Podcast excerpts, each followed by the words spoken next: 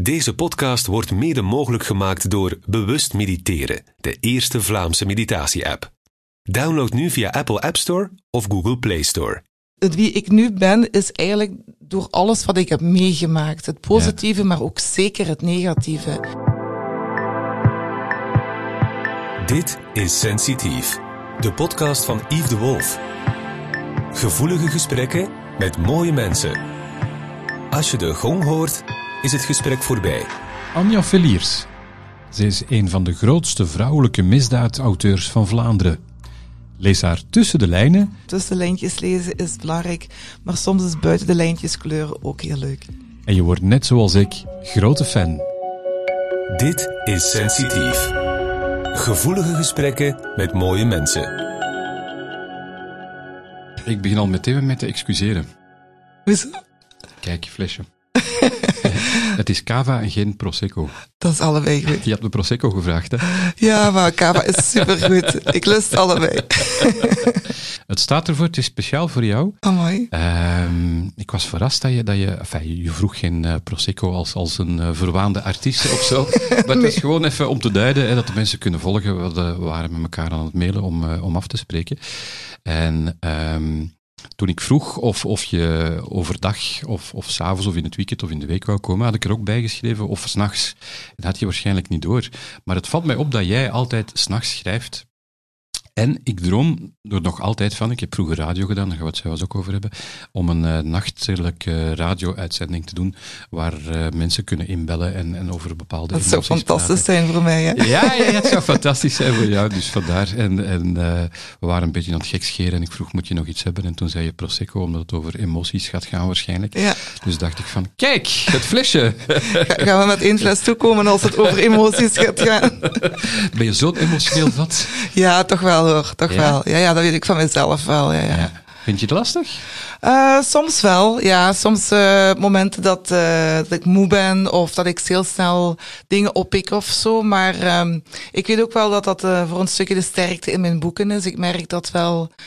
En dat is onbewust gebeurd hoor. Ik, heb, ik leg gewoon, uh, zonder ik het zelf beseft heb, door de jaren heen heb ik altijd dingen vanuit mijn eigen omgeving of vanuit mijn eigen gevoelsmatige interpretatie van dingen uh, neergeschreven. En, en ik merk wel dat lezers daar uh, ontzettend ontvankelijk voor zijn. Dat ze zeggen van, we vinden je, boek net, je boeken net goed daarom. Omdat mm -hmm. het meer gaat dan alleen maar over thrillers of over spanning. Of het gaat over zoveel meer. En dat dat ook wel tussen de lijnen terug te vinden is. En ik had dat eerst zelf totaal niet door. En, want ik schrijf gewoon vanuit mijn buikgevoel. Ik ben niet zo iemand die planmatig een lijstje erbij gaat nemen van dat en dat moet er zeker in zitten. Mhm. Dus het komt echt vanuit mijn buikgevoel. En ja, door de jaren heen ben, heb ik mezelf daarop betrapt door opmerkingen van lezers van ja, dat gevoelsmatige zit er wel echt in. Ja, Ja. Uh, ja. Het zijn vooral dames die lezen, heb ik begrepen. Ja, maar ook uh, mannen vinden de Gelukkig. laatste jaren heel goed de weg naar mijn boeken en, en reageren ook, waar ze misschien een,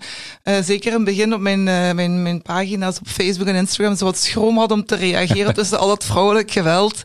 Ja. Uh, merk ik nu wel dat ze toch ook wel uh, een, een, stem hebben en die ook wel durven te vertegenwoordigen. Ja, dus, ik ja. merk het in mijn eigen therapiepraktijk ook en, en ook wat meditatie betreft. Um, het wordt hoog tijd dat de mannen uit de kast komen op, op vlak van gevoeligheid en dat het gewoon zo, bespreekbaar ja. is. Ja, ja, ik ben volledig akkoord. En je moet natuurlijk ook wel tussen de regels willen en kunnen en durven lezen. Want dat is ook de reden, denk ik, waarom ik fan ben geworden. Want ik ben echt een fan van, van, van jouw boeken.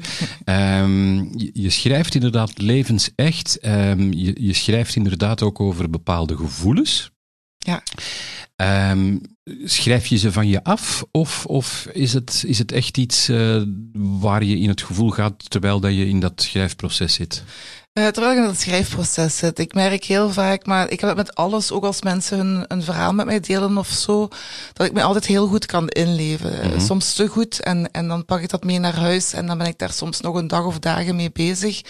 En dat kan soms over heel onschuldige opmerkingen gaan die, die niks met mij te maken hebben als persoon. Maar uh, ja, ik leef mij dan gewoon heel goed in en, en op, op automatisme eigenlijk, zonder ik dat besef. En, en ja, dat neem ik dan ook gewoon mee in het, in het neerschrijven van verhalen. Als een, een personage neerzet dat op gevoelsmatig vlak, op, op elk vlak dan ook iets meemaakt, dan is dat wel iets waar, waar, ik meestal zelf al over nagedacht of over zelf doorgevoeld heb. Mhm. En dat ik dat dan inderdaad in mijn boeken verwerk. En, en ik vind dat zeker zo belangrijk als het verhaal op zich of als een goede plot, de twist die ik moet bedenken, vind ik zeker zo belangrijk dat dat erin zit. Maar ik doe dat niet bewust. Nee, dat is het er eigenlijk wel iets, ja, gewoon door, door het leven, door het leven te absorberen altijd, dat het dat ook vanzelf terug uitkomt. Ja. Het is een, een, een opslorpen, maar ook een terug loslaten eigenlijk ja. uh, in de boeken ook, ja. Eigenlijk geef je het al zelf aan, hè. Je, je doet het niet bewust. Um, dan zit je een beetje op mijn vakdomein. Hè. Ik werk rond het onderbewuste. Ja. Het onderbewuste heeft uh, voor 95% invloed op jouw uh, leven.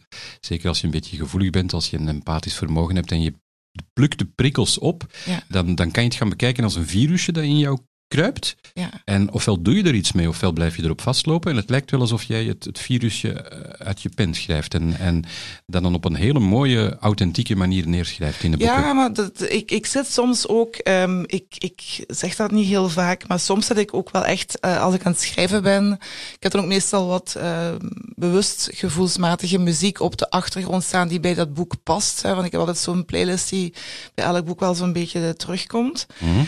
uh, en vaak omdat ik dan dikwijls alleen schrijf s'nachts, dat wanneer ik daar heel diep in ga, dat het mij ook letterlijk raakt wanneer ik het schrijf. Dat ik dus ook soms wel echte tranen over mijn wangen voel lopen, terwijl het niet over mij gaat. En Ja. um, ja, misschien is dat ook wat de lezers wel onbewust voelen, ter, terwijl ze het lezen, van dat, dat, dat het voor een stukje die authenticiteit daarin zit. Dat het niet zomaar een melig uh, gevoel is dat ik probeer neer te zetten, dat ik het zelf ook wel vaak voel als ik het schrijf. En ja, je noemde dat empathische net. Uh, ik heb sinds een aantal jaren van mezelf ontdekt dat ik hoogsensitief ben. Join the club. En join the club, ja. Maar um, dat heeft voor mij wel, dat is voor mij wel echt een eye-opener geweest. Omdat ik heel dikwijls dingen ja, voelde en, en dat ik zo dacht van, maar wat scheelt er met mij in de termen van ja, hebben andere mensen dat ook? Ben ik een beetje abnormaal dat ik dat allemaal zo fel uh, opneem? Mm -hmm. Maar dat hoogsensitieve, dat heb ik blijkbaar van kinds af aan wel in mij gehad, maar nooit benoemd, omdat dat vroeger ook nooit benoemd werd. Dat bestond toen niet, Klopt. als ik het... Dat bestond in termen dan, bestond zeker wel, maar niet in termen van dat is het en... en hoe, wat kan je ermee doen op een goede manier? En dat is voor mij echt wel een eye-opener geweest. Dat ik uh, nu bewuster met dat hoogsensitieve omga. En dat ik soms ook wel eens uh, op mijn strepen durf te gaan staan van hé, hey, ik heb te veel prikkels gehad of het komt allemaal wat te veel binnen bij mij. En waar ik vroeger dan maar doorraasde en, en er altijd stond voor andere mensen, dicht om mij heen of verder van mij af, durf ik nu al eens te zeggen, ik moet een stapje terugnemen, want anders, ja, we hebben het er al over gehad, dan komt die migraine weer opzetten en uh, die migraine is al te vaak een, een lastpost in mijn leven, dus ik moet vaker op de rem gaan staan. En dat durf ik ook wel vaker te doen de afgelopen mm -hmm. jaren. Ja. Nu je het zelf aanhaalt, de migraine, ik, ik geef het gewoon even mee voor, voor de luisteraars. Ja. Um, ofwel zit je effectief met, met, met een technisch probleempje, wat, wat vreselijk is uh, voor, voor migraine. Maar uh, migraine duidt heel vaak op het onbewust blokkeren van een gevoel. En als je dan zelf vermeldt van kijk, ik ben hooggevoelig, ik weet het, maar er zitten ergens nog oordelen of, of uh, ja, bepaalde gevoelens waar je nog mee worstelt, ja, dan kan dat af en toe wel voor een kortsluiting uh, ja. zorgen. En als je dat dan niet kan gaan loslaten, die overtuiging, ja, dan kan je bijvoorbeeld op bepaalde momenten in een kramp gaan schieten. Ja. En kan je het aan je dikke darm krijgen of, of, of pijn in de nek en in de hals. Daar gaat dit gesprek niet over, maar ik vind het wel leuk omdat je het, ja. het voorstelt. En ja. ik vind het ook heel tof dat je hooggevoeligheid zelf aanhaalt. We hebben het er eigenlijk nooit over gehad. Nee, eigenlijk niet. Nee. Hè, het is uh, ook de eerste keer dat ik jou het woord hoor vermelden in, Ja. in interviews of wat dan ook. Um, heel fijn. Nu, um, voor alle duidelijkheid, het concept van, van dit, het is gewoon een, een, een gesprek, het is geen, geen interview. Ik ga af en toe wel reageren vanuit mijn uh, emotionele uh, ervaring uh, en met de praktijk die ik heb. Um, als we het op een bepaald moment over gevoelens gaan hebben en, en ik ga een stap te ver, dan moet je het ook aangeven. Ja, ja. En, en ik vraag ook altijd aan mijn gast, is er één wel bepaalde vraag die ik niet mag stellen? Goh, ik, ik, um, ik heb eigenlijk wel een beetje zitten nadenken over dit gesprek dat ging gebeuren. En ik heb de zakdoekjes ook al uh, in mijn, in mijn uh, handtas gestopt, omdat ik wel wist van het gaat uh, waarschijnlijk toch wel een bepaalde richting uitgaan. Mm -hmm. um, er is niks wat ik niet wil bespreken, maar als ik het soms over bepaalde dingen heb gehad die in mijn leven zijn misgelopen, die gekoppeld zijn aan bepaalde personen, dan wil ik die personen niet bij naam noemen. Nee, tuurlijk niet. Ja, nee, omdat, nee. ja, maar sommige mensen vinden dat wel gemakkelijk om te doen. Um, maar ik wil geen schuld bij die personen leggen in de zin van um, dat ik rancuneus ben en, en dat op die mensen gereageerd ja. moet worden. Maar ik weet wel door bepaald gedrag van hen um, wie ik wel en niet geworden ben door dat gedrag. Ja. En dat vind ik wel een heel belangrijke om mee te geven. Omdat, zeker met ouder worden, um, ben ik heel erg bewust van um, hoe het leven invloed op je heeft. Hoe de jeugd, je jeugdjaren invloed, kinderjaren invloed hebben op je. Dat is bij mij niet anders. Um, ik heb een heel moeilijke kindertijd gehad, ook heel moeilijke jeugdjaren. Maar ik sta er dit jaar, uh, dit jaar zeg ik nu, nu wel, um, door alles wat ik heb meegemaakt. Het positieve, ja. maar ook zeker het negatieve. En ik wil dat niet wegstoppen en, en verstoppen in de zin van, uh, daar mag niet over gepraat worden. Want mm -hmm. um, ik denk dat het sommige mensen kan helpen om over zo'n dingen te praten. Maar ik wil mij ook niet helemaal blootgeven en mij volledig te grabbel gooien. Dat vind ik wel een belangrijke. Ja. Ja. Maar uh, het verbaast me zeer aangenaam, want eigenlijk ben je een, een verlengstuk van, van um, je bent bijna een ambassadrice van, van hoe ik uh, mensen probeer duidelijk te, uit te leggen hoe het leven in elkaar zit. Uh, de dingen die je meemaakt, um, daar kan je naar verwijzen, maar eigenlijk onbewust laat je die dingen toe of, of heb je die dingen nodig um, om te groeien. Ja. Het hangt er maar vanaf hoe dat je er ten aanzien van reageert, van, Ja. van zulke opmerkingen of, of situaties of dingen die je hebt meegemaakt in bepaalde relaties. Maar bij mij is dat ook omdat ik um, sinds, of na mijn, na mijn jeugdjaren, Mhm. um, omringd ben geworden met mensen die mij stabiel hebben gemaakt um, en die mij hebben de kans gegeven om te kunnen groeien. Die dat proces doorbroken hebben van wat er vroeger is misgegaan. Mhm. En dat is een hele belangrijke geweest. Um, ik ben daar zelf een stukje voor verantwoordelijk wie ik geworden ben, ondanks alles. Maar um, de juiste mensen die mij omringd hebben later zijn zeker zo belangrijk geweest om dat proces te bespoedigen. Ja. En dat vind ik ook een hele belangrijke om te vermelden. Je, je moet het niet altijd alleen doen.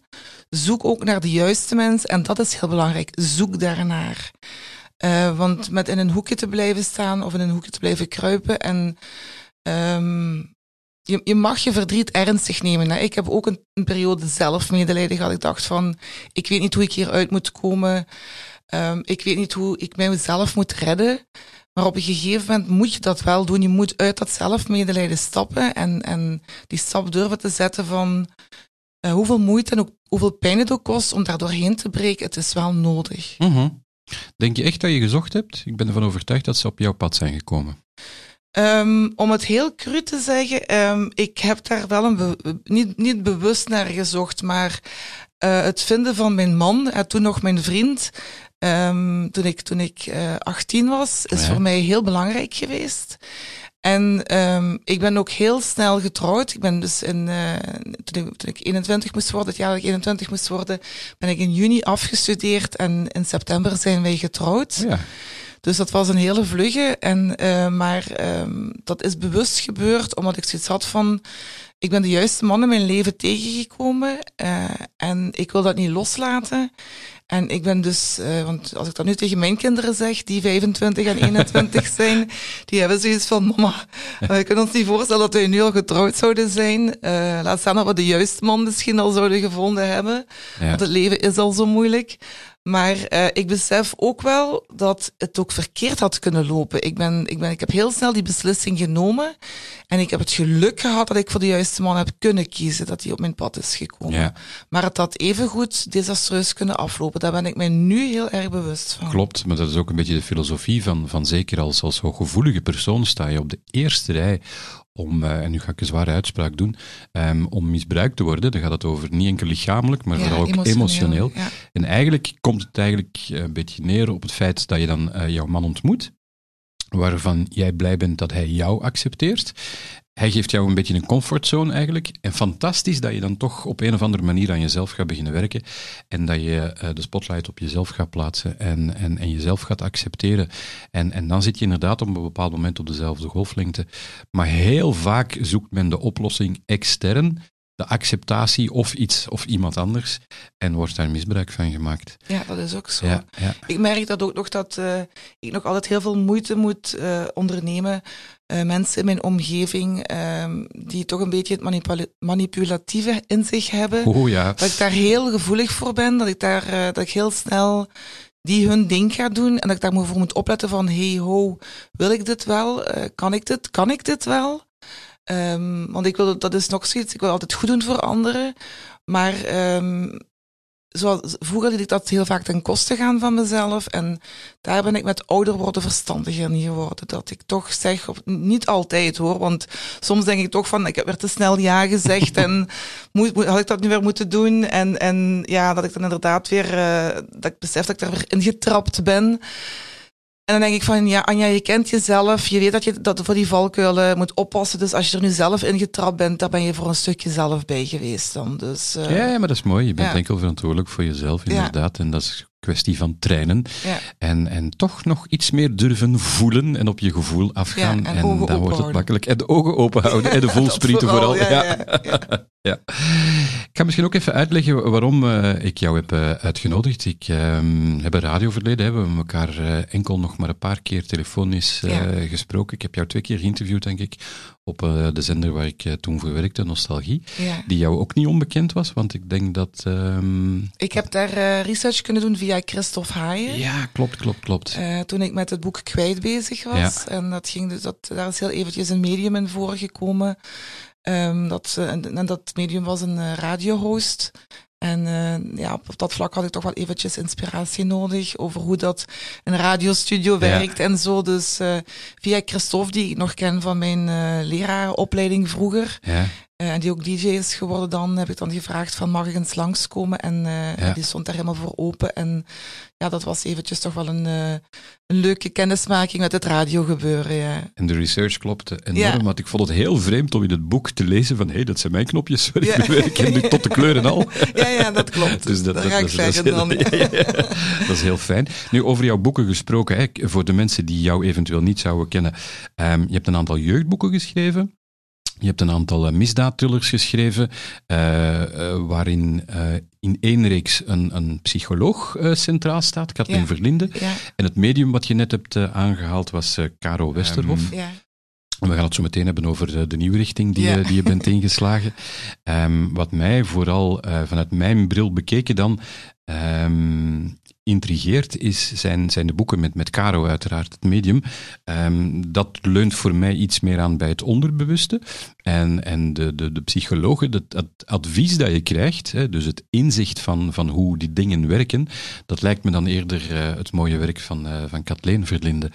Um, het valt mij op dat er meer boeken zijn met Kathleen en met Caro. Ik hoop stiekem dat er ooit nog uh, met Caro komen. Ja, ja daar, daar heb ik vannacht aan zitten werken. Ja, dat is geen toeval, hè? nee, nee, dat is geen toeval. Nee, nee. Ja. Nee, maar Kathleen staat natuurlijk al een heel aantal jaren in de stijgers, maar die haar verhaal is zo ontwikkeld dat het een stukje van mezelf geworden is. En door research te doen voor uh, Kwijt, een van die Kathleen Verlinde thrillers, mm -hmm. um, ben ik dan met een medium in contact gekomen en dat, was, uh, dat heeft er zo ingehakt bij mij, dat ik toen op het idee ben gekomen om dan ook nog daarnaast, naast de reeks van de psycholoog, ook een reeks rond een medium te doen.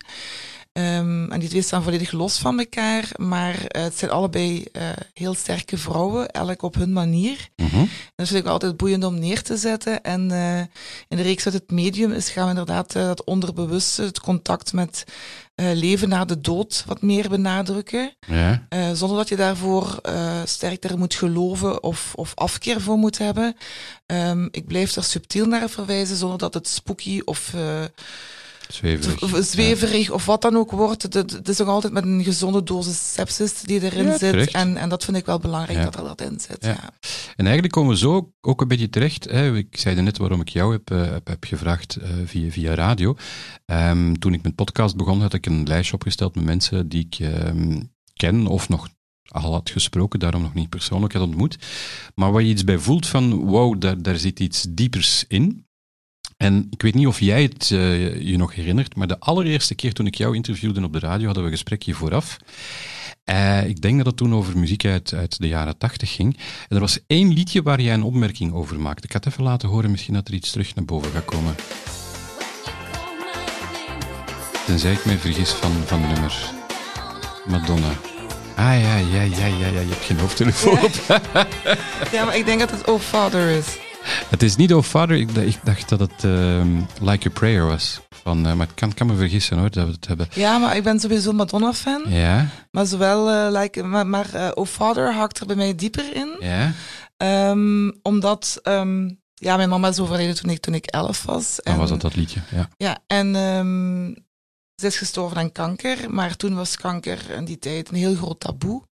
Dus dat werd uh, binnen ons gezin eigenlijk uh, voor mij verborgen gehouden. Ik wist wel dat ze ziek was, maar ja, ik was toen echt met, met andere dingen bezig. Ik had uh, vriendjes op straat waar ik mee ging spelen en kampjes bouwen. En ja, ik was echt een, een buitenmeisje eigenlijk. En um, dat, dat werd ook thuis heel veel ge, gestimuleerd van dat, dat ik met die vriendjes of vriendinnetjes mocht gaan spelen altijd.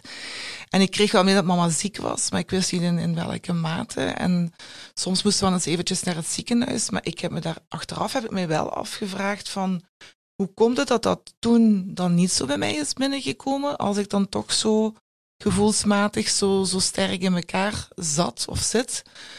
Um, want ik merk nu wel bij mijn dochters, toen die diezelfde leeftijd hadden, dat die toch wel altijd heel erg met ons gezin en zo bezig waren.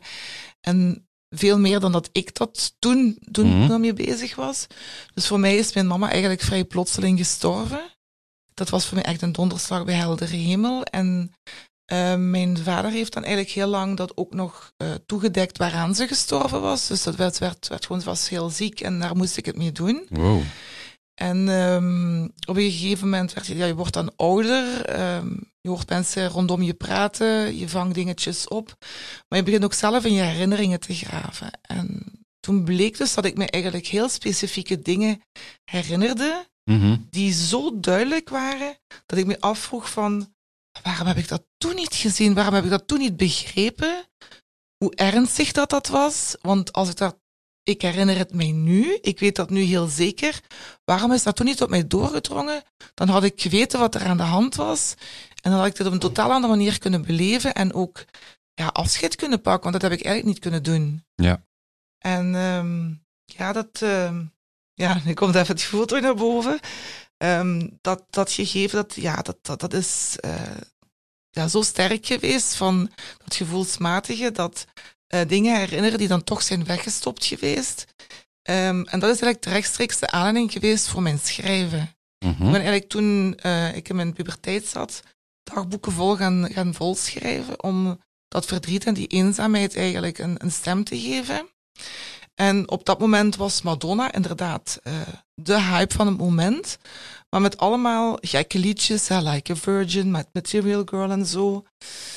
En ik vond dat wel leuk, ik vond dat wel fijn om te horen op de radio en zo, maar dat was het dan ook. En pas toen ik getrouwd was, toen, um, ja, ik was nog niet zo heel lang getrouwd, op een gegeven moment kwam toen het nummer Oh Father toevallig eens voorbij met een videoclip, ik denk toen nog op MTV. Mm -hmm. En ik had dat liedje nog nooit gehoord, ik had die videoclip nog nooit gezien en uh, dat hakte er bij mij in, want op een gegeven moment, het gaat dus uh, ook over Madonna's moeder, die ook op zeer jonge leeftijd gestorven is. En op een gegeven moment laten ze dus de moeder van, of dat was dan in een videoclip uh, symbool, dus de moeder van Madonna die dan in een, in een doodskist lag. Yep.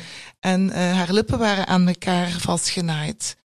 En dat beeld was zo indringend, want toen mijn mama gestorven is, vroeger werd dat zo gedaan, dus bij doden, dus als de mond niet dicht hield, nu worden de lippen mooi dichtgeplakt op de Ja. een of andere manier. Maar mijn mama, haar lippen had dus ook met draadjes uh, toegenaaid, of ik weet niet hoe ik dat moet noemen. Het was, het was verschrikkelijk om aan te zien. En dat is een beeld dat mij altijd is bijgebleven. En ook zag je dat beeld letterlijk bij Madonna in die videoclip. Maar ook de muziek daarvan, die was zo indringend. En, en maar de hele videoclip, daar, daar gebeuren meer dingen in um, die ik nu niet nader wil benoemen, maar die zo bij mij binnenkwamen, dat ik zoiets had van, ja, Madonna is meer dan, dan, dan die vlotte, snelle, rappe, ja. vrolijke liedjes. En dan heb ik ook een autobiografie van haar gekocht en die Mhm. gelezen. En ja, ik heb een heel andere Madonna leren kennen. En, en dat, dat uitdagende. En, en ja, ik denk dat dat ook een, ook een schreeuw naar de buitenwereld heel vaak is toegewezen. Van dat er bij haar veel meer onderhuid zat dan mensen eigenlijk begrepen hebben. En ja, ik heb, ik heb veel meer affiniteit met die liedjes van Madonna gekregen dan met die, met die eh, hippere liedjes die, die mainstream geworden zijn. Moet toch op een of andere manier een, een soort spiegeleffect zijn dan, hè? Iets, ja, iets dat, dat, eh, is heel hard binnengekomen. Heel hard, ja. De lippen dichtmaken, dat, dat betekent eigenlijk bijna concreet monddood maken. Ja, ja. Ja, ja. Ja, noemde een- Madonna het ook. Dat ze dat, ze dat in haar in autobiografie schreef ze ook van dat dat een beeld is dat, dat haar eigenlijk getekend heeft. En, en ik snap dat volkomen. Ja. En, en ja, dat, ehm, het zijn allemaal zo'n dingen. Ja, dat natuurlijk, dat pak je als kind, als elfjarige mee. En die beelden die komen dan op zo'n moment terwijl je in de twintig bent, terwijl je je leven aan het herinrichten bent. En op, op onverwachte momenten, en je zit naar tv te kijken, je zit naar MTV te kijken voor wat leuke muziek, wat ontspanning. En opeens komt zo'n videoclip voorbij en word je gewoon helemaal teruggeslingerd. En dat heb ik nu nog altijd, ook met, met, met liedjes van toen. Ehm, ja, ik ben daar heel gevoelig voor. En dan kun je in de auto zitten, achter het stuur, en dan komt dat binnen. En dan probeer maar eens die snelweg eh, fatsoenlijk af te leggen zonder dat je brokken maakt. Ja. Dat zijn dingen, daar, daar eh, moet ik mee opletten. Ja, dat komt dan op dat moment eh, heel, heel hard binnen. Ja. Liedjes maken sowieso altijd iets los Ja. bij, bij mensen. Ehm, en, en het komt bij mij ook binnen alsof dat je inderdaad dus op dat moment dat je, dat je ehm, echt in het gevoel gaat, dat het zo overweldigend is Ja. dat je eigenlijk in een soort overlevingsmechanisme toch een stukje van dat gevoel gaat uitschakelen. Ja, dat moet dan, ja. hoe ja. gevoelig je ook wel bent. Ehm, en, en mensen worden heel vaak getriggerd door eh, iets te kunnen begrijpen of iets te kunnen analyseren of iets te kunnen uitleggen.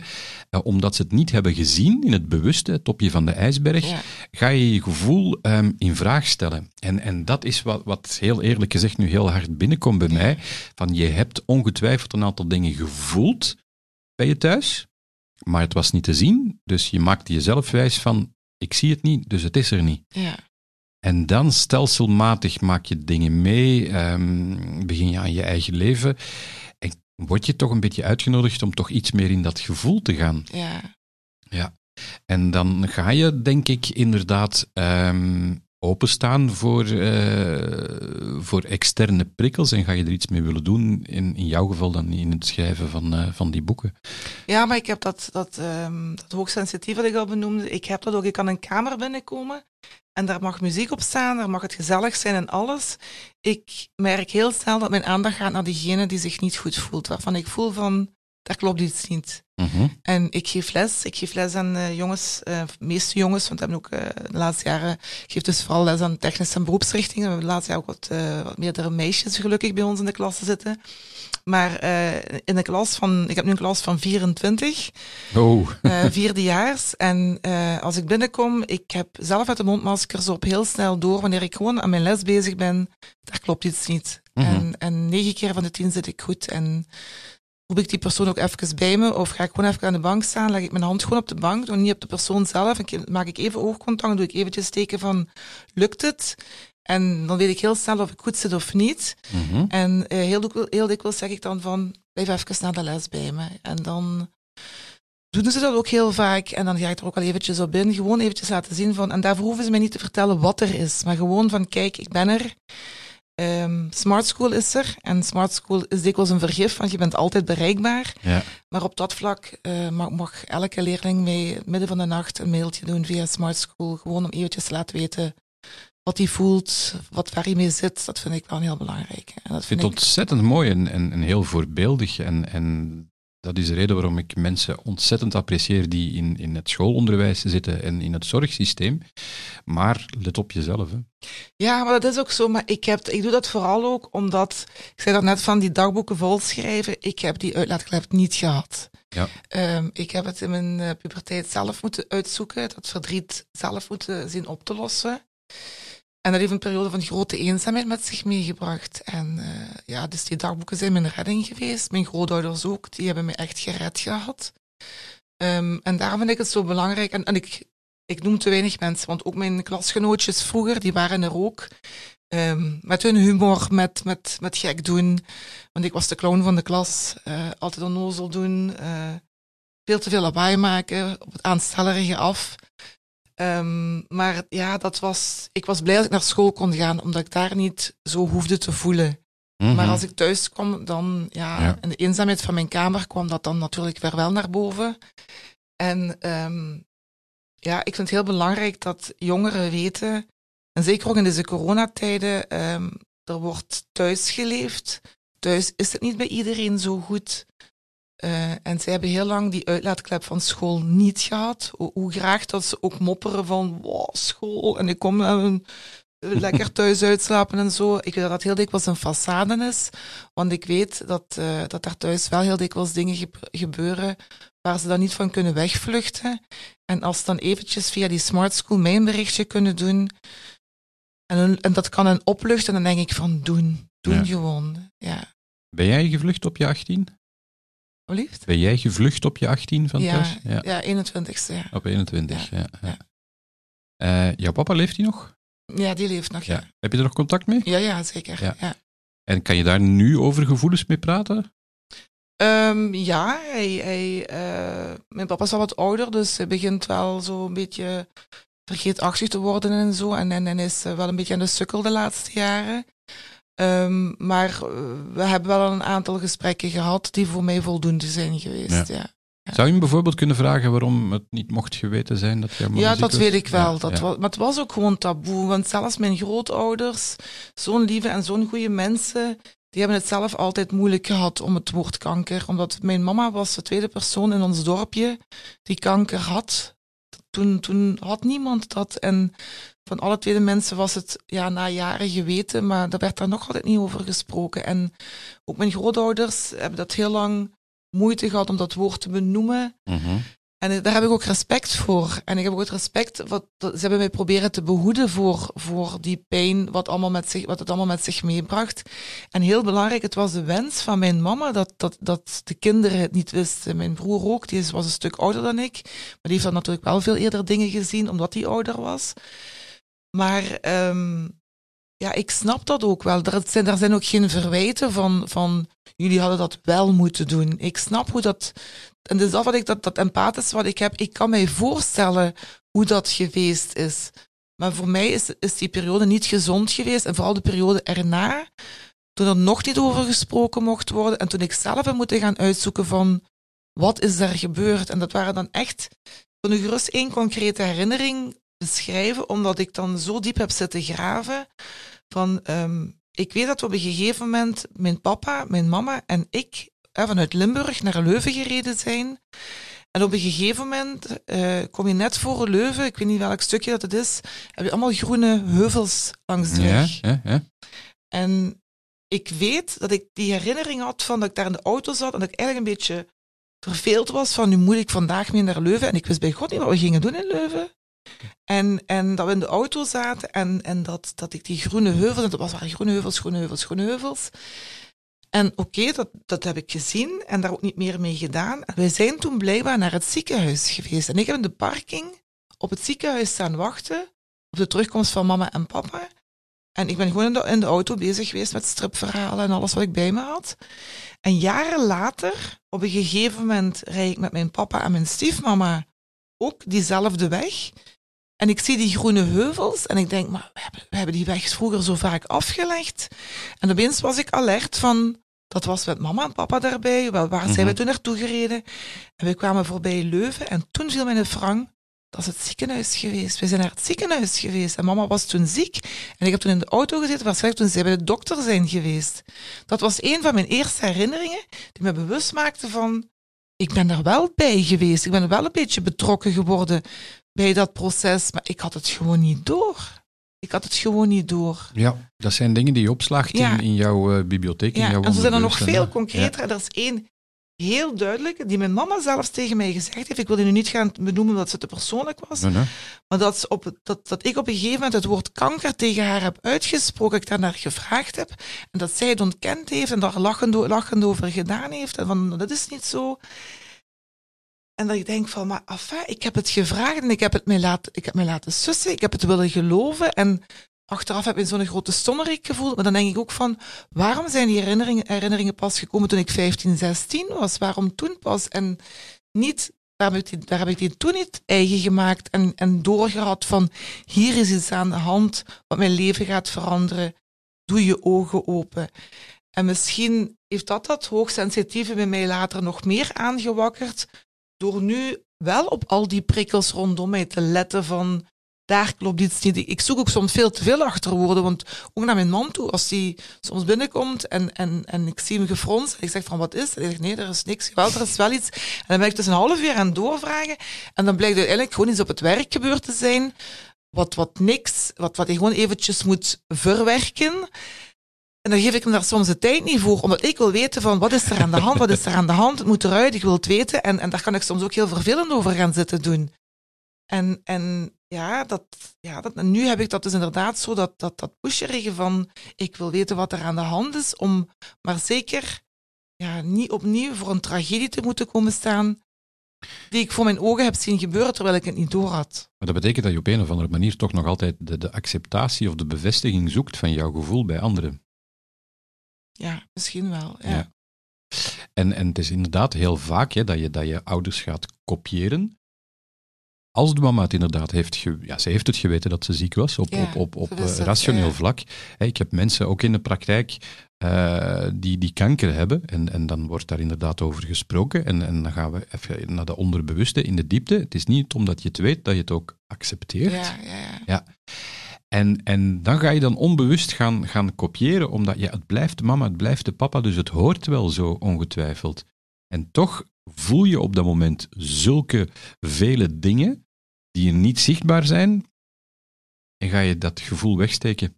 En, en op een wel bepaald moment, en meestal op een verrassend moment, zoals jou, jij met, eh, met, met het liedje van Madonna en, en, en nog andere dingen, ja, dan kan je het niet meer tegenhouden. Dan moet je gaan graven. Of je ontploft. En ga je inderdaad op een bepaald moment misschien eventueel eh, hoofdpijn krijgen, ja. omdat je vanuit een aantal overtuigingen die je met de beste bedoelingen hebt meegekregen, dat je er toch elke keer tegenaan loopt. Ja. En jij bent een uitvergroting van, eh, van jouw ouders, dus de kans is heel groot dat een van beide of beide heel gevoelig waren en het niet accepteerden, dus ook ontkenden. Laat staan dat ze zich zouden durven tonen. Mhm. En dan ga jij antwoorden van ja, het heeft met de tijdsgeest te maken. Klopt voor een stukje, maar ik ben er niet volledig eh, mee akkoord. Je kan het eigenlijk altijd. En dus jij als kind wordt een uitvergroting. Jij zit dan met, met, met, met die zoektocht naar jouw gevoelens. Ja, en dan krijg je twee kindjes die dan op hun beurt voor jou een spiegel zijn. En nogmaals een uitvergroting. Heb je het gevoel dat zij ook hooggevoelig zijn? Of, ja, of, allebei. ja. Zijn allebei hooggevoelig, ja. Hebben ze het door? Accepteren ze het? Ja. Handelen ze ernaar of, of zoeken Ja, ze de ja, oplossing? En, en, en ik hou er zelf ook heel veel rekening mee. Want ehm, en ik weet dat mijn man, die heeft soms nog zo, als ik dan dat aanhaal, van, dat de hooggevoeligheid naar boven komt, dan rolt hij soms, soms met zijn ogen van, daar gaan we weer. Eh, want hij zegt altijd van, ja, iedereen heeft wel altijd ergens iets en daar heeft hij voor een stukje gelijk in. Maar eh, het mag niet ten koste gaan van je gezondheid. Dat vind ik wel belangrijk. Dat klopt. Je Ja. bent enkel verantwoordelijk voor jezelf, ook voor je eigen gezondheid. Ja, En ik begrijp hem eh, heel goed. Ik heb hem nooit ontmoet. Ik heb één fotootje gezien. Volgens mij is het een ongelooflijk gevoelige man, maar die het compleet ontkent. maar dat compleet terzijde. ja maar hij is ook gevoelig. En, maar hij, laat het op de juiste momenten Ja. zien. En dat, is, belangrijk, dat is ook belangrijk. Maar ehm, wat mijn dochters betreft, eh, zij hebben dat hoogsensitieve ook. En ja, ik hou daar dus echt wel rekening mee tot in het, in het, in het gekke toe. Hè, want eh, mijn jongste dochter die, eh, is nu aan het studeren. eh, meer thuis dan op kot op het moment. En er was er iets misgegaan met, met de gordijnen bij haar op, eh, op haar studeerkamertje thuis. En als ze te veel licht binnenkrijgt, dan is, raakt ze overprikkeld. Mhm. Dus ik heb hemel en aarde bewogen op, op, op twee dagen tijd om, om een, een gordijn thuis te hebben. Dat, dat rolgordijn, dat, dat, eh, en dat moest opgehangen, dat moest allemaal binnen de kortste keren gebeuren. Dan, daar ben ik dan heel erg drammerig in van, het moet nu. Omdat ik dan niet wil dat zij ook maar een paar uren overprikkeld zit en daarna niet meer kan studeren, daardoor dat ze, ja, dat, dat het niet meer gaat. Dat, want ook zij krijgt gem- gemakkelijk hoofdpijn. Dus daar ben ik dan heel erg bezorgd over dat dat. eh, of als we met de auto ergens naartoe gaan en mijn man heeft dan nogal een stevige muziek in de auto opstaan en we zitten dus met ons vieren in de auto, dan weet ik dat ik na verloop van tijd moet zeggen van mag de radio wat stiller, want Mhm. het komt te hard binnen voor ons allemaal. En hij houdt daar dan ook wel rekening mee. Ja. En dat gaat bijvoorbeeld op, op, op onze slaapkamer, van mijn man en ik, de slaapkamer. Eh, ik heb pikzwarte gordijnen, ik heb heel donkere muren. En die gordijnen zijn meestal omlaag. En mijn man vroeg een aantal jaar geleden was altijd van, maar waarom moeten die gordijnen altijd naar beneden, zelfs overdag? Moesten die, als ik dan in de kamer binnenloop, ik even zoiets heb van, ah, dit is mijn, dit is mijn habitat, even zo van, hier ben, en hij begreep er dan niet van, en dan was heel dikwijls die gordijnen weer aan het op, het was een spelletje aan het worden van op, af, op, af. Want dat zijn zo van die onnozele dingen die voor mij wel belangrijk zijn. Ik met de auto naar hier gereden kom, het is geen stralend zonnige dag, maar het licht irriteerde mij in de auto. Ik heb twee soorten zonnebrillen. Ene die het licht een beetje filtert en ene die echt is voor de zon. En ik heb nu de ene eh, die die licht filtert opgehad om zeker hier niet overprikkeld al te zitten. Dus dat Ja. zijn zo dingen, daar hou ik echt wel rekening mee. Ik Ja. denk dat we in een vorig leven op een of andere manier toch wel familie van elkaar zijn geweest, denk ik. Ja. Je herkent zoveel. Het is heel fijn dat je dat durft benoemen. Ja.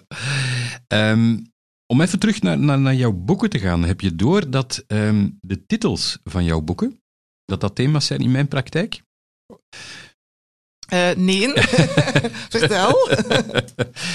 Je, Mag ik nu de vragen gaan stellen? Ja, wie weet. Nee, nee, nee. Ik stel de vragen. Ik stel de vragen. Stel de vragen. Ehm, het, het zal puur toeval zijn hoor, maar gewoon, eh, het, het, het, valt mij op omdat ik dingen op, op een andere manier bekijk, uiteraard. Ja. Het zijn heel vaak valkuilen.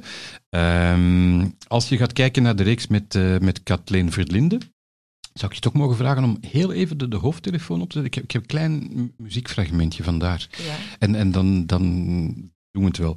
Eh, er zijn ook liedjes eh, naar jouw boek geschreven. Hè? Ik weet niet of dat je dat eh door had.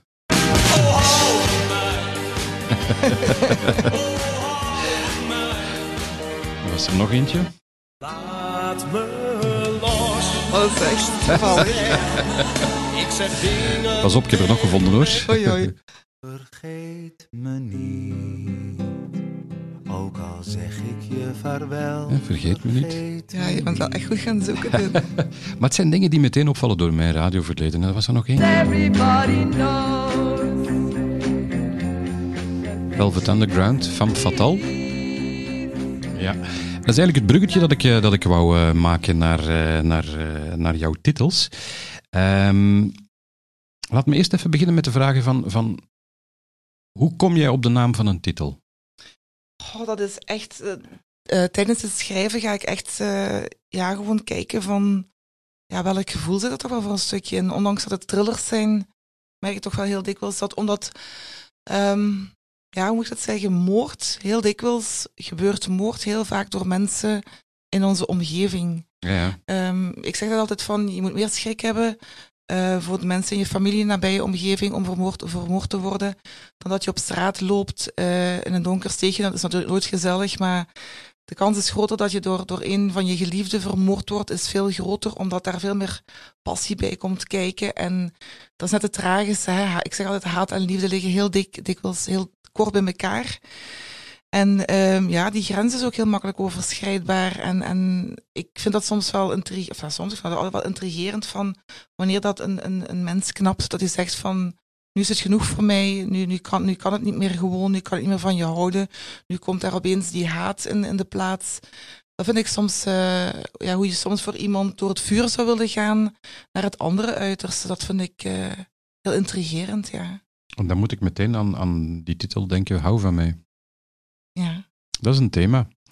Ehm, we gaan allemaal op zoek naar mensen die ons graag zien. ja, Het allerbelangrijkste is jezelf graag zien. ja dat En klopt. van jezelf houden. Ja, Ehm, net hetzelfde met het andere boek, Laat me los. Ja. Loslaten is ook een thema. Jij bent niet verantwoordelijk voor je ouders op emotioneel vlak, ook niet voor de kindjes. Laat ze los. Blijf ze graag zien, zie jezelf graag, maar laat ze los. ik ga ze niet naar deze podcast laten luisteren. Vergeef me niet. Waarom ehm, zeg je vergeef me niet? Vergeven is ontzettend mooi. Jawel, het is vergeet me niet en het is vergeef me. Ja, vergeef Je me. hebt Ja. door elkaar Ja. Ja. In de praktijk laat ik de mensen zichzelf vergeven. Ja. Waarom moet ik jou vergeven en kan jij jezelf niet vergeven? Ik ben heel streng voor mezelf. Ja. Als ik eh, ook eh, fouten naar mijn kinderen toe maak, dan uh, ik kan duizend dingen goed voor ze doen.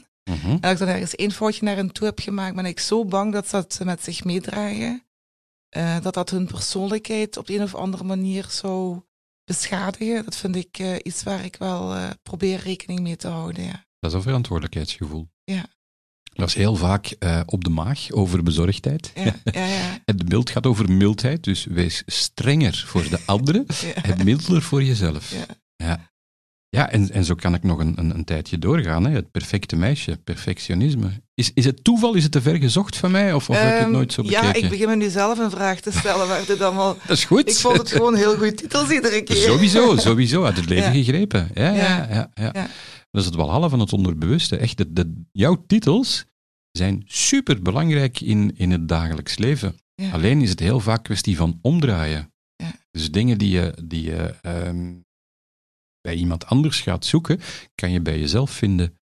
Dus als jij vraagt van vergeef me, zeg ik waarom kan je jezelf niet vergeven?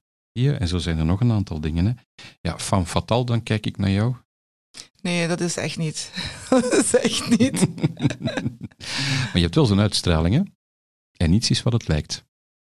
Ik, ik, ik, ik hoor dat vaker van mensen, dat het tegen mij eigenlijk zo zelfverzekerd overkomt. Dat, dat hoor ik al, al zo, zo lang. Mhm. En daar word ik soms ook op afgerekend. Eh, maar ik, ik, allee, mensen thuis weten dat dat totaal het geval niet is. Dus eh, ik ben ook opgehouden met mij daar, daarin. eh, ik denk dat het ook meer en meer een, een, een, een, een pose is om, ja, om, om, om niet, om niet, ja, moet ik het zeggen, niet de mist in te gaan. Ik ben ook heel bang om, om eh, flaters te slaan, om... eh, ik ben bijvoorbeeld eh, twee jaar geleden bij Gert Late Night ge- geweest. Ik zit nog elke dag daarop te herkouwen, alle dingen die ik verkeerd heb gezegd. Omdat ik gewoon denk van, ja, dit is mijn moment om, om een beetje promotie te maken voor boeken. Mensen van de uitgeverij hebben daar zoveel moeite voor gedaan om me daar binnen te krijgen. En dan die avond lukt mij dan niet te zeggen wat, wat ik moet doen, omdat ik zo'n zenuwen had, omdat ik mij zo eh, overweldigd voelde door al die bekende mensen en de setting en de camera's op mij gericht. En, en ik heb eigenlijk niet de helft gezegd, nou, nog niet een kwart gezegd van wat ik eigenlijk wilde overbrengen. En ja, dan, daar kan ik dan zo, zo misnoegd over zijn op mezelf. Zo van, alle verlier, zodat je anders moet aanpakken. En, en, en ik probeer nu ook, als ik nu naar, naar een, een tv-show kijk, ben ik echt aan het kijken van hoe doen mensen dit? Hoe, hoe komen die zo vlot over en zo spontaan, zonder dat, dat je daar met je tenen zit te krullen van, van wat zit die nu weer te zeggen? Of hoe kom, ja, dat, ik heb dat, ja, die, ik, ik leg mezelf heel vaak onder een vergrootglas en ik ben niet tevreden over mezelf. Heel vaak niet tevreden, nee. nee. Dat is ook een van de kenmerken van, eh, van hooggevoeligheid. Maar als hooggevoelige zou jij toch bij andere mensen in de zetel bij Gert Late Night bijvoorbeeld toch heel duidelijk moeten kunnen aanvoelen van kijk, die, die man of die vrouw die, die zit daar heel hard eh, zijn best te doen om, om zeer mooi te kunnen praten, om, om alle mooie commerciële dingen te vertellen, maar je ziet er toch los door dat het fake is. Ja, maar ik ben dan toch daardoor onder de indruk. Dat is, ja, ik, ik weet ook niet waar dat vandaan komt, maar ik ben, ik vind iemand anders eh, veel sneller beter dan, dan mezelf. En, en ga daar ook naar handelen. Dat is, ja. Je weet dat het een eigen overtuiging is, hè? Je weet dat dat een eigen overtuiging Ja, ik is. weet het. Ja. Ja. Haal dat uit je systeem en je gaat super Maar ik gelukkig weet ook waar worden. het vandaan komt. Dus dat is wel een Het belangrijke. is niet omdat je het weet dat je het ook accepteert. Nee, maar het- ik, ik werk eraan, Yves. Ja, is Ik goed, goed, goed. Fijn, fijn, fijn, fijn. Nee. Ik denk dat het heel belangrijk is om gewoon jezelf te zijn. En, en het is meegenomen hoe goed dat je eruit ziet, of, of hoe goed je kan schrijven, of wat je hebt of wat dat je niet hebt. Ik denk dat we gewoon in, in, in, in het algemeen in de samenleving gewoon moeten durven laten zien wie we zijn. En gewoon jezelf kunnen zijn. Ehm, ik lees jouw boeken om, om, omdat het fantastische boeken zijn, omdat het fantastisch geschreven is, dat het levensecht is. Maar ik lees Anja. En dat vind ik veel toffer dan, dan mm, hoe mooi jouw zinnen gevormd zijn, bijvoorbeeld. Ja, want ik, ik eh, krijg wel eens de kritiek dat ik te eenvoudig schrijf. Oh nee. Maar eh, ik denk dan dat mensen dan inderdaad naar het stilistische en het literaire zitten te kijken. En dan denk ik van, lees eens tussen de zinnen. Daar staat veel meer dan dat er gezegd wordt. En ik vind het jammer dat die mensen die dat dan dat als kritiek meegeven, dat, dat net die mensen dat niet zien, terwijl die zouden gestudeerd moeten hebben en het zouden moeten weten, maar de verkeerde dingen belichten. En Ja. daar trek ik me wel niks meer van aan. Ik heb dat wel gedaan hoor. Ik heb dat wel gedaan, dat ik me dat aantrok, dat mensen zo kort door de bocht gingen, maar de juiste lezers lezen wat ze moeten lezen en voelen wat ze moeten voelen bij mijn boeken. En dat neem ik veel meer mee. En ik heb bijvoorbeeld, eh, de, wanneer is dat geweest? Vrijdag had ik de boekpresentatie, vrijdagavond, afgelopen vrijdagavond van eh, de nieuwe reeks. Eh, en s'morgens kreeg ik heel veel reacties van mensen die aan het lezen waren. En opeens kreeg ik via mijn Instagram profiel of mijn Facebook, maakt ook niet uit, een berichtje binnen van een verpleegster die zegt van, ah, wel, ik ben hier in het ziekenhuis aan het werken op dit moment. Ehm, ik loop hier kamer in, kamer uit. Er zit hier een, een vrouw te lezen in jouw boek Ademloos. Die gaat daar helemaal in op, terwijl ze chemo krijgt. Wow. En ik heb niks tegen haar gezegd hoe het boek eindigt, want ze zat er helemaal in en ik heb haar gelaten. En dat kwam zo hard bij mij binnen, want daar sta ik dan niet altijd bij stil op welke momenten dat mensen die boeken aan het lezen zijn. Want eh, ik trek me altijd terug eh, in mijn badje of in mijn bedje als ik aan het lezen ben. En dan probeer ik zo'n paar hoofdstukken te lezen als ik aan het lezen ben. Maar dat kwam zo hard bij mij binnen. En in plaats van nog aan die boekpresentatie van s'avonds te denken, heb ik daar eigenlijk met die vrouw de hele dag in mijn gedachten gezeten van ik hoop, ik hoop echt dat het haar ontspannen heeft. Op welke manier dan ook, al is het maar vijf minuten, dat haar gedachten volledig weg waren van de realiteit waar zij in zit, dan is dat mij meer waard dan welke recensie of welke vier of vijf of weet ik veel hoeveel sterren ook. Ja, dat, dat kwam zo hard bij me binnen en ik, ik heb ook daar onmiddellijk op gereageerd, dat, dat, die, dat die verpleegster me dat mij heeft laten weten. En dan denk ik van, ja, dat, dat, dat is waarvoor ik het doe uiteindelijk. Maar ik geloof jou volledig. En, Ja. en je ziet ook... Allee, heb je een idee hoeveel boeken dat je er al verkocht hebt in, in, in- over heel je carrière ongeveer bij ik benadering? denk rond, rond, rond de 80.000 Ja. ongeveer. Van, ja, Het, ja. het gaat mij niet over de 80.000 boeken, het gaat mij over het feit dat minstens 80.000 mensen al geïnspireerd worden door jou. En dan zie je nog maar eens welke nood er is aan, aan, aan diepgang op, op heel menselijk en, en emotioneel vlak. Ik heb een aantal jaar geleden nog van iemand die ik zo goed kende van, van vrij nabij. Ehm, een- ik kan het geen vriendin noemen, maar wel zeker een heel goede kennis. En ehm, die haar zoon is uit het leven gestapt en die heeft het daar heel moeilijk mee gehad, terecht natuurlijk. En ehm, een vrouw met heel veel positieve energie, die er helemaal tegenaan is gegaan daarna, die eh, bewonderenswaardig hoe ze het doet, want ik zou het niet kunnen, heel eerlijk, ik zou het niet kunnen. Maar ik weet dat er natuurlijk thuis, dat er, dat er andere dingen natuurlijk eh, bezig zijn dan dat ze laat zien. En dat mag ook. En die heeft op een gegeven moment tegen mij gezegd, er waren drie zinnetjes uit een boek van Kathleen Verlinde. Pardon. Drie zinnetjes uit een boek van Kathleen Verlinde, die hebben mij beter geholpen dan elke psycholoog ook. En dat vond ik, niet dat ik daarmee wil stoeven, maar Nee, toen heb ik zelf zitten nadenken van, welke zinnetjes waren dat? Want dan denk ik van, ik heb daar in mijn in het gevoelsmatige dingen neergeschreven die ik dan wel meen, maar waar ik me niet van bewust ben dat ze zo'n impact kunnen hebben op andere mensen. En dan denk ik van, ja, dat is waarvoor ik het doe. Leven het onderbewuste. Ja. ja. En, en die zinnen op zich ehm, zijn ook momentopnames. Dus voor die persoon die op dat moment die, die zinnetjes binnenkrijgt, op dat moment is dat emotionele realiteit voor hem of voor haar. Ja, ja. En daar doe je het inderdaad voor. Hè? Ja. Om, om even terug te komen op het boek dat je net hebt eh, aangehaald, Ja. Ademloos. Ik, ik had daar ook een eh, muziekje voor eh, voorzien. Ik ben, ben heel blij dat je ehm, niet hebt laten inspireren door dit nummer.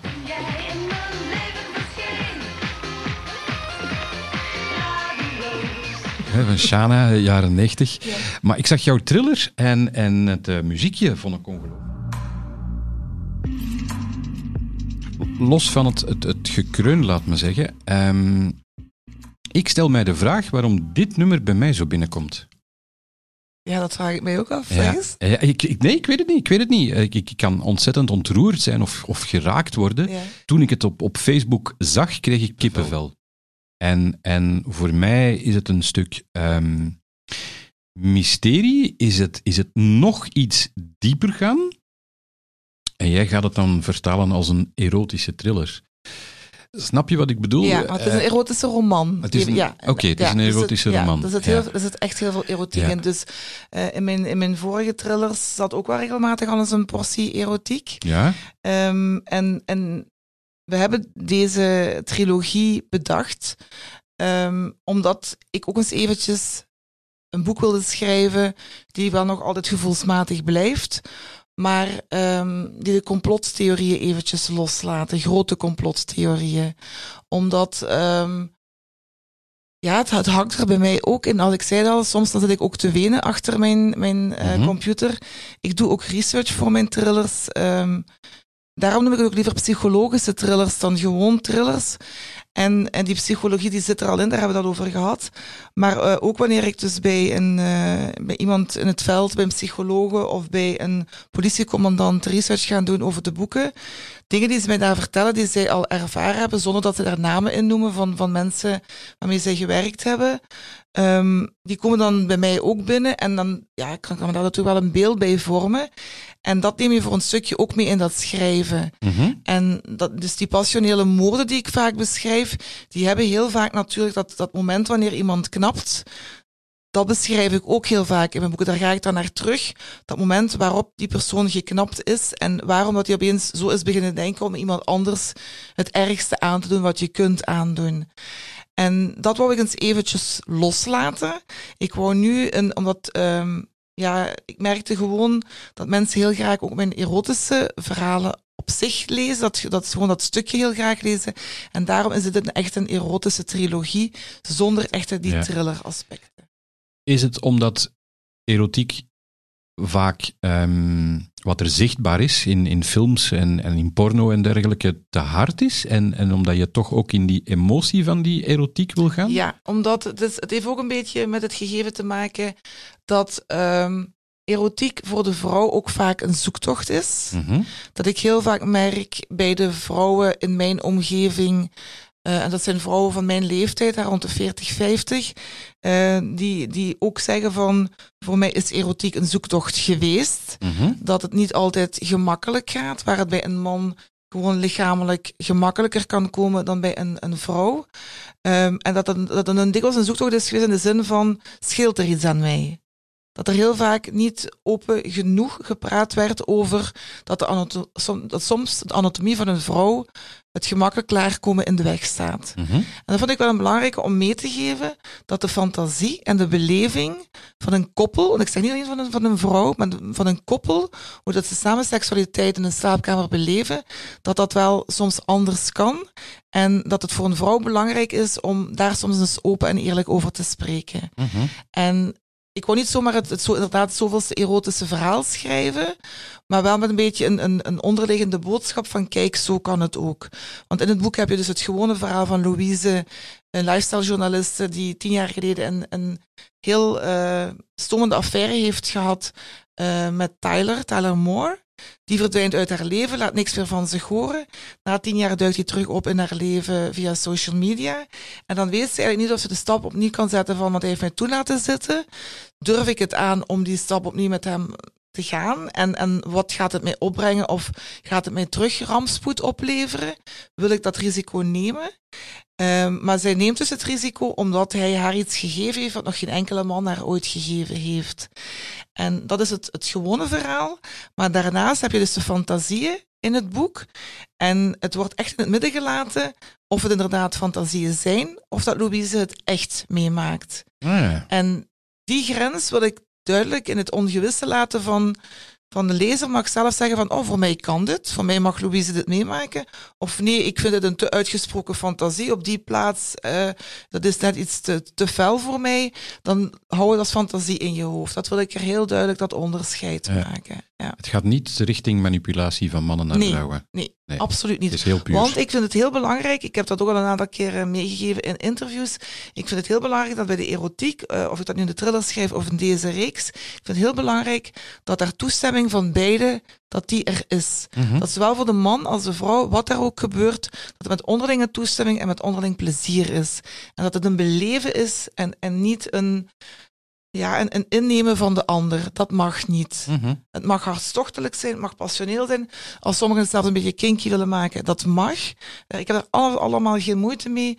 Maar het moet duidelijk zijn, zowel voor de vrouw als voor de man, moet er duidelijk zijn van, ik wil dit graag doen. Mhm. Dat is voor mij wel heel belangrijk. Dus ook daar weer een stukje inspirerend naar, naar vrouwen toe. Ja, En dat betekent, dat, dat, dat intrigeert mij altijd. Hè. Ehm, ik als man ben, ben fan van jouw boeken. Ik heb een hele grote vrouwelijke kant sowieso. Maar er blijft toch nog eh, gigantische problemen of, of overtuigingen of, of gedragingen bij mannen te zijn. En dan zeg je van, het zijn boeken door vrouwen voor vrouwen. Maar waarom probeer je dan op een of andere manier niet die mannen extra binnen te trekken en, en ook maar die, dat is de bedoeling. Ja. Dat is de bedoeling, omdat net die fantasieën, ik, ik zeg ook tegen de, eh, ik, ik, ik reik het aan naar vrouwen, ik aan naar mannen, maar het is voor de vrouwen ook een hulpweg om hun mannen erbij te betrekken, om, om die fantasieën bespreekbaar te maken. En in, in de slaapkamer te zeggen tegen elkaar van, hé, hey, ik heb een, een, een leuk hoofdstukje van Anja Villiers gelezen, ik lees het voor. Dat is misschien voor sommige vrouwen al een te grote hindernis om te nemen. Maar gewoon eens zeggen van, lees het eens. Dit, dit fantasietje, dit prikkelt mij. Ja. Zonder het hele boek te moeten gaan lezen. Want Ja. je weet dat mannen niet altijd graag lezen. Vrouwen lezen veel liever. Dus ze hoeven er geen heel naslagwerk op te gaan, gaan, gaan nalezen. Gewoon dit hoofdstukje, drie pagina's, één pagina. Dit stukje, daar, dat, dat wint mij op. Kijk eens even of we dit kunnen toepassen. Of ik dit in mijn hoofd mag hebben, of jij dit in je hoofd kunt hebben. Terwijl we samen bezig zijn en het op die manier samen leuker maken. Ja. Dat is de bedoeling. Zijn er nog zo van die thema's die je ooit wil, wil gaan beschrijven als, als inspirator of als inspirerende hooggevoelige? Eh, ik heb dat niet bewust in mijn eh verlanglijstje staan, als ik het zo mag noemen. Zo'n dingen overkomen mij meestal. Met, met, deze, met dit ook, erotiek heeft altijd een beetje in mijn boeken gezeten. En opeens had ik zoiets van... Ik heb verleden jaar dus een, een eh, kort verhaal moeten schrijven voor Flair. Mhm. Ehm, dat erotisch was, want Flair had mijn, mijn erotiek in de thrillers ook al eerder ontdekt. En eh, toen had ik zo het gevoel van, ah, dat is toch eens echt leuk om zo gewoon, eh, zonder dan inderdaad moeilijke complottheorieën, dit gewoon te schrijven. En ik heb het dan met mijn uitgeefster over gehad of we daar geen Valentijnsboekje van konden maken. En zo zijn we dan aan de babbel daarover geraakt. Heel spontaan eigenlijk, is dat heel organisch gegroeid. En toen hebben we op een gegeven moment gezegd echt van, oké, we, gaan, we gaan, daar, we gaan een, een, een romantisch, een erotisch boek schrijven. Ik heb het boek nog niet gelezen, ik ben heel benieuwd. Wat ik heel fijn zou vinden, is dat je, dat je op een bepaald moment ook toch zou kunnen aangeven, of dat is misschien voor een volgend boek, dat ehm, wat erotiek betreft daar ook heel vaak overtuigingen zitten in het onderbewuste. En, en om het bij naam te noemen over het klaarkomen op zich, zit zoveel meer ehm, achter en, en onder. Ja, dat is waar. dat, dat in plaats van te gaan zoeken van eh scheelt er iets bij mij technisch of wat dan ook, om de mensen op die manier toch ook te gaan inspireren om, om, om even van binnen te gaan Ja, graven. dat is ook zo dat er blokkades zijn. Ja, inderdaad. Ja. Wordt dat besproken in het boek? Of, eh? Nu nog niet, maar je, wie weet wel waar ik naartoe ga.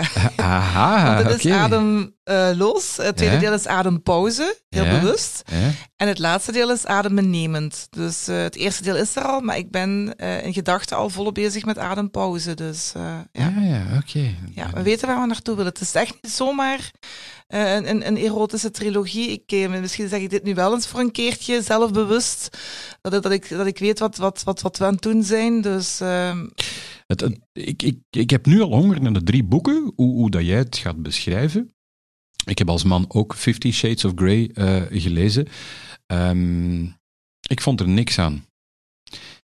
Ik vond fantastisch dat het boek werd uitgebracht, dat het, dat het besproken werd, maar dat is de essentie niet wat, wat er in die boeken beschreven nee, ik wordt. vond het een beetje jammer. Een gemiste kans voor Ja. de rol van de vrouw erin. Ja, En, en meer ga ik daar niet over zeggen, want ik weet wel dat, dat ook heel veel vrouwen, 50, of, of mannen, Fifty Shades of Grey graag gelezen hebben. En ik ben niet iemand die graag kritiek uit op mede-auteurs, omdat ik zoiets heb van iedereen eh, werkt hard aan, aan, en, en iedereen heeft een stem die hij wil, op de een of andere manier wil weergeven. En daar zit misschien een bedoeling achter of niet.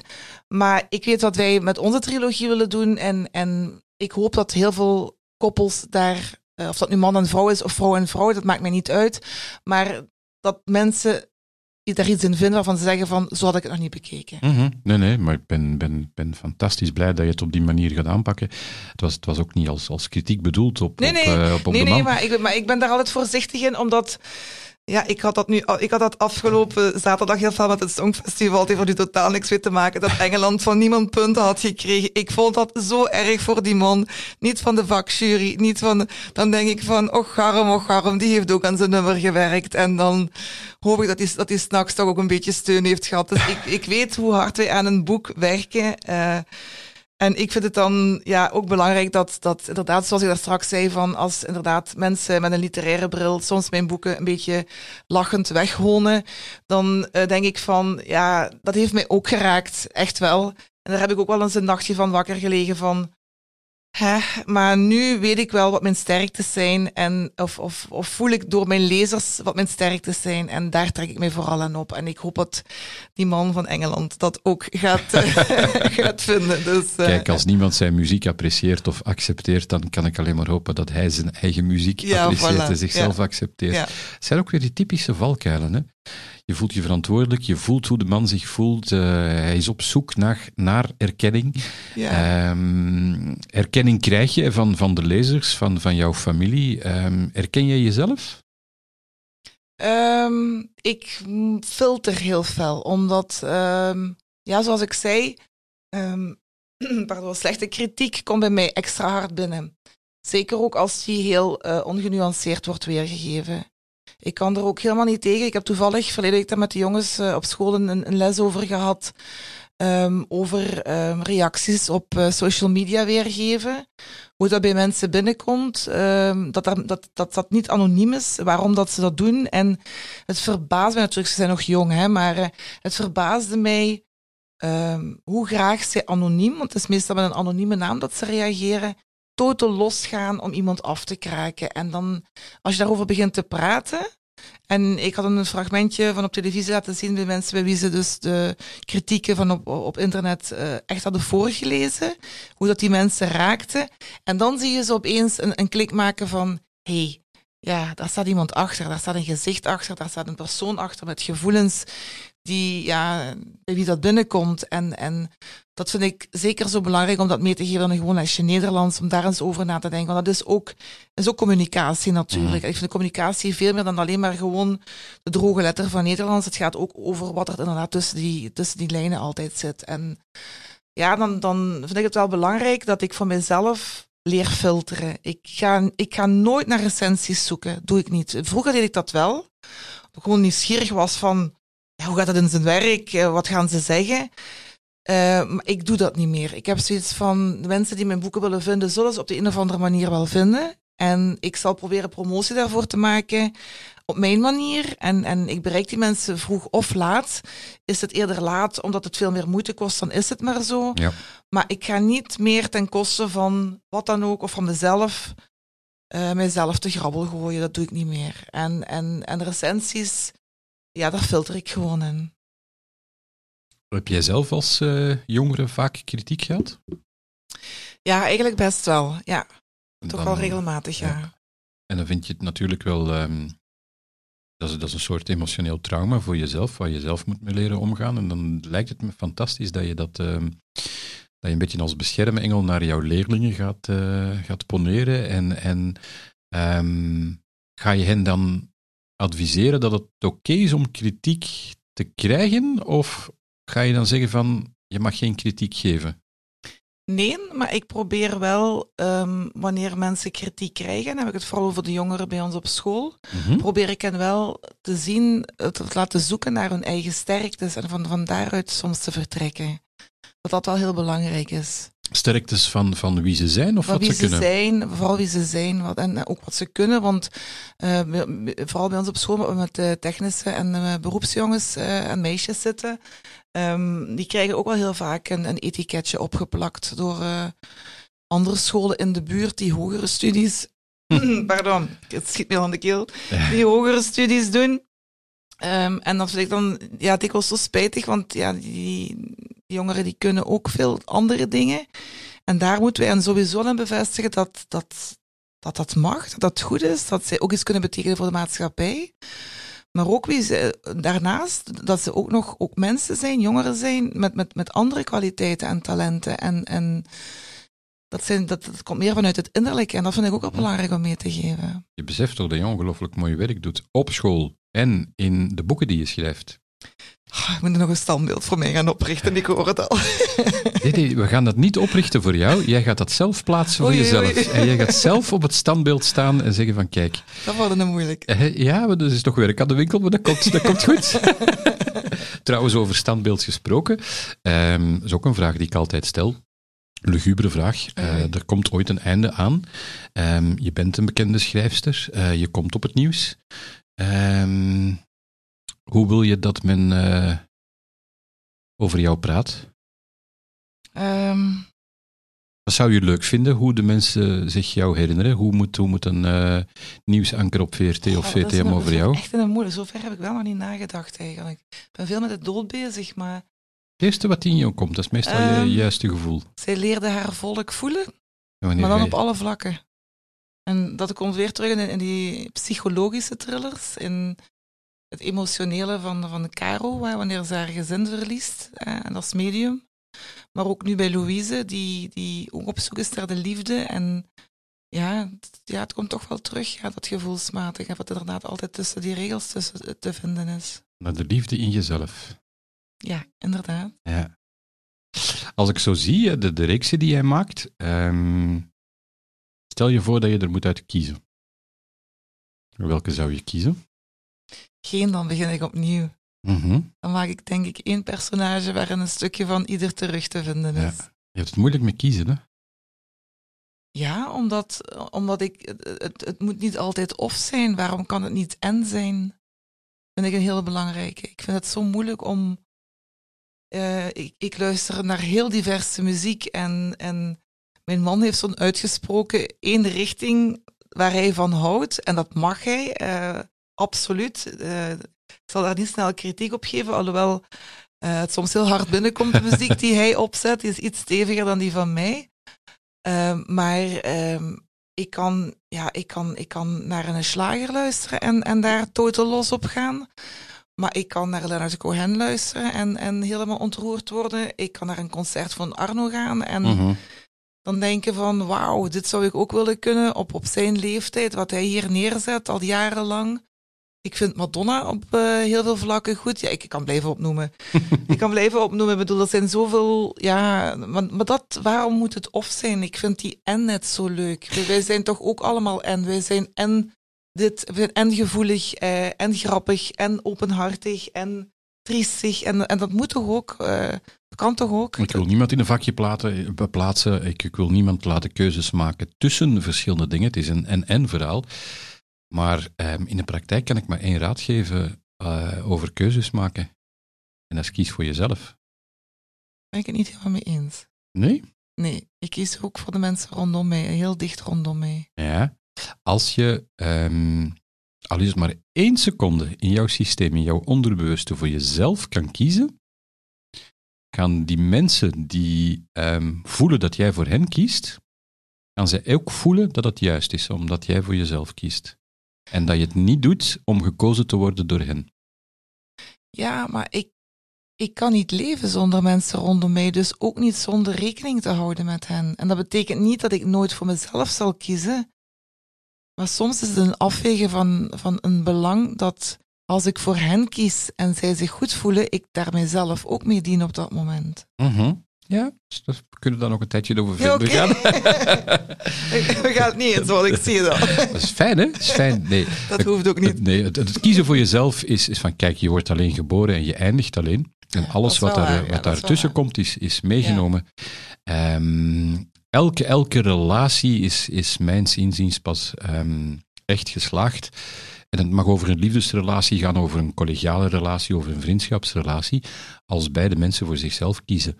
En dan voor de ander kiezen, dat is meestal de gebruiken eh, in, in, in het leven.